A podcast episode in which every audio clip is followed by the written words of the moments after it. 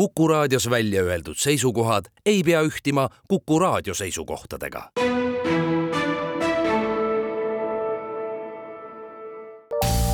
terviseks.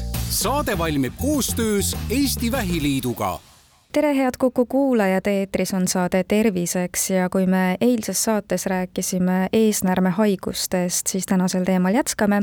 mina olen Ingela Virkus ja koos minuga on stuudios Regionaalhaigla kirurgiakliiniku uroloog doktor Teesi Sepp, tere taas! tere!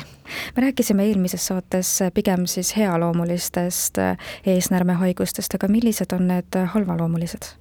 Halvaloomuliselt äh, peaksimegi siis rääkima eesnäärmevähist, mis on äh, Eestis enam levinud. aastas äh, laias laastus tuhandkond uut vähijuhtu me leiame. nii et see on tegelikult, kui nii mõelda, on see ikkagi väga-väga suur murekoht. miks see tekib? Siin on palju, palju murekohti, miks see võib tekkida, küll võib leida siin seoseid elustiiliga, mis praktiliselt iga vähi puhul, kõik need asjad, mida meile räägitakse südametervisest, võime me enamike vähkidega samamoodi seostada. et küll rasvumus, küll, küll ebatervislikud muud eluviisid, mürgid, kemikaalid, mis, mis võivad meie teele sattuda. ja ei saa ka vaadata mööda sellest, mis meile annavad geenid, et siin on ka päris päris äh, tugev roll sageli ka geenidel. Et äh, siin peab kindlasti natukene rõhutama ka seda, et, et mis vanuses näiteks see vähk tekkinud on. et äh, see on geenide mainimisel hästi oluline. et kui on teada, et perekonnaliinis on seda vähki juba enne kuuekümnendat eluaastat leitud, on siis rinna- või eesnäärmevähki kellelgi emadel, isadel, või siis vanavanematel, siis see viitab sellele, et see geneetiline komponent on võib-olla suurem ja tugevam, aga kui on leitud seda vähki vanuses üheksakümmend või kaheksakümmend pluss, siis, siis see viitab sellele, et pigem see geneetiline komponent siin nii tugev ei ole. sest et eesnäärmevähki kui sellist võib leida väga-väga-väga paljudel meestel aga see ei pruugi olla alati see põhjus, mis mehe hauda viib et see võib olla siis selline kuri krooniline kaaslane, aga mitte alati see kaaslane, kes siis nii-öelda kirsturaha kurjama ajab. mis on selle esimesed sümptomid või kas see annab üldse ennast, endast kuidagi äh, algfaasis märku? Võib anda, aga ei pruugi anda. ehk siis eesnäärmevähi äh, sümptomid on äh, sageli täpselt samasugused, nagu on näiteks mõnel healoomulisel eesnäärme suurenemisel.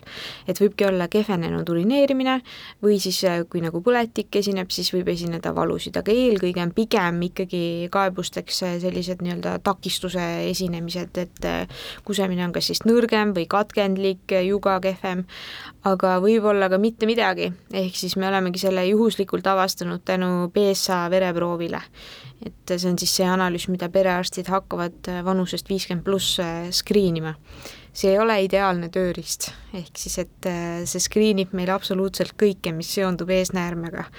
healoomulist suurenemist, sest eesnäär on suurem, siis on PSA kõrgem kui on põletik, siis otse loomulikult eesnäärmest äh, tulevad valgud ja sealhulgas see BSA tõuseb ja vähk on siis see, mis seda tõstab nii-öelda kõige nii-öelda radikaalsemalt või kõige rohkem. aga algstaadiumi puhul on meil väga raske eristada äh, lihtsalt selle vereproovi väärtuse alusel, et äh, kellega me nüüd siin praegu toimetame. kui naistel on sõeluuringus osalemine näiteks rinnavähi korral või emakakaelavähi sõeluuringud, et millal meeste eesnäärmevähi sõeluuringud nüüd teemaks tulevad või ma saan aru, et tegelikult juba mingil määral vist katsetatakse neid, aga päris programmina nad veel äh, ei ole välja tulnud, eks? esialgu arvatigi, et see BSA ongi võluvits maailmas, mis äh, aitab meil teha, sõeluda kõik asjad välja. aga sellest me saime sageli kogemuse, et, et me leiame võib-olla isegi liiga palju vähki ja siis me oleme oma ravis ka liiga radikaalsed, sest et iga ravi pakkudes me peame olema valmis ka kõikideks tüsistusteks ja potentsiaalseks elukvaliteedi languseks, mis võib äh, nii-öelda liigse sekkumise liikumise ja liigse raviga kaasneda. et seda oleme me just selle BSA vereprooviga täheldanud.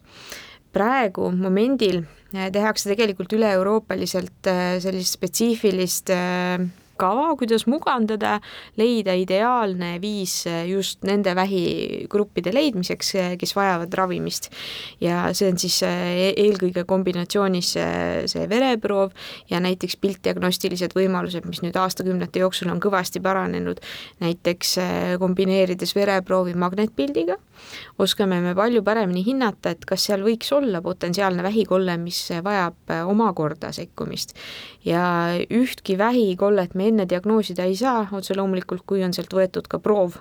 ehk siis me oskame leida paremini neid haigeid, keda me peaksime saatma biopsiale ehk koeproovi võtmisele.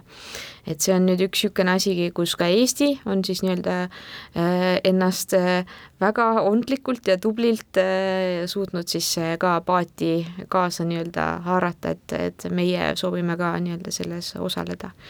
et see on, see on Eesti Uroloogide Seltsi poolt suur töö, et me sinna saime ka kaasa kuidas aga täna eesnäärmevähki ravitakse ja kui efektiivne see ravi täna on?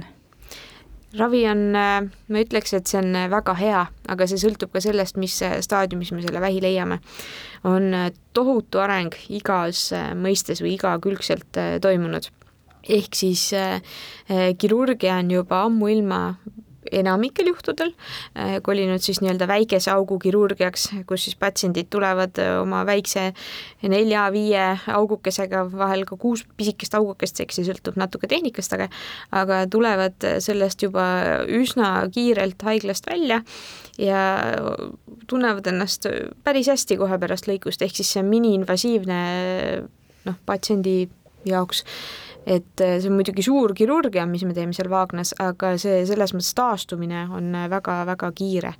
et selles osas on meil väga hea kirurgilised nüüd tehnikad, laparoskoopilised meetodid ja, ja kasutame ka meie praktiliselt äh, kõikides suurkeskustes 3D äh, kirurgiat, et me vaatamegi kõike nii-öelda 3D pildina ning paranenud on oluliselt kiiritusravi võimekus, et kiiritusravi ja kirurgia võimalused algstaadiumi vähil on väga head ja kiiritus kiiritusravi on ka läinud aina täpsemaks ja neid raskeid kõrvaltoimeid on siis noh, ma ei tea, alla protsendi praktiliselt kõikistes keskustes, et et, et see on, on väga-väga tubli saavutus ja kui me räägime nüüd äh, kaugele arenenud vähivormidest, siis võib-olla siin on see areng olnud kõige tormilisem.